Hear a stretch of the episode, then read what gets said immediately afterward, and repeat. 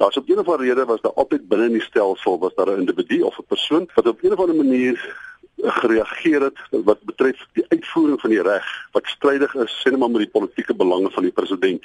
En elke slag as hy van een ontslaa raak of hom afkoop of hom betaal, dan ontstaan daar as dit ware 'n nuwe een wat gebore word uit daai omstandighede. En dit is die behoud van die stelsel in Suid-Afrika, die regstelsel miskien spesifiek.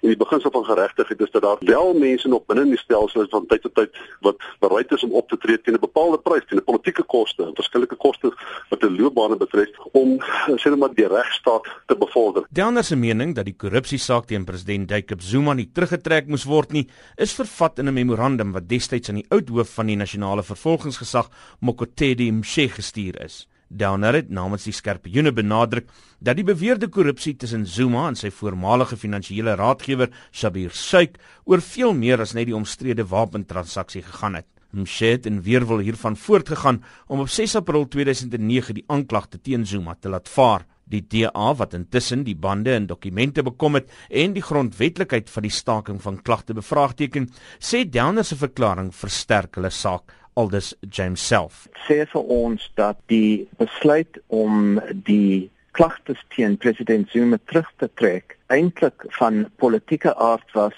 en nie gegrond was op op regsgronde nie en dit gee vir ons baie hoop vir die hersieningssaak wat eersdag gaan plaasvind. Uit die dokumente blyk dit dat die finale besluit oor die aanklagte net 5 dae voor Mshe se media konferensie geneem is.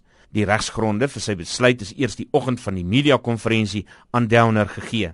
Die woordvoerder vir die vervolgingsgesag, Lewoyo Mfaku, sê Downer se mening is nie nuwe nuus nie. Hy sê die NVG handhaaf sy standpunt dat daar nie gronde was om voort te gaan met die aanklagte nie. There is no difference of opinion in something that has been in the public space for quite some time that in fact the I mean the team I mean it they expressed a particular opinion.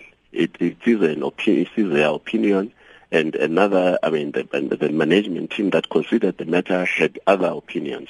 Now, it has been in the public space. I mean, it happens within the legal fraternity that you have a divergent opinions in a particular matter. Intussen het president Zuma se regspan aangedui dat hulle nie hulle finale dokumente vandag in die Noord-Gauteng Hooggeregshof gaan leaseer nie self sê hulle het vir uitstel gevra om beter voor te berei. Hulle gaan hulle papiere indien uh, die 17de en daarna sal ons die regte president vra vir 'n datum wat heel mo uh, moontlik in September of Oktober maand sal wees.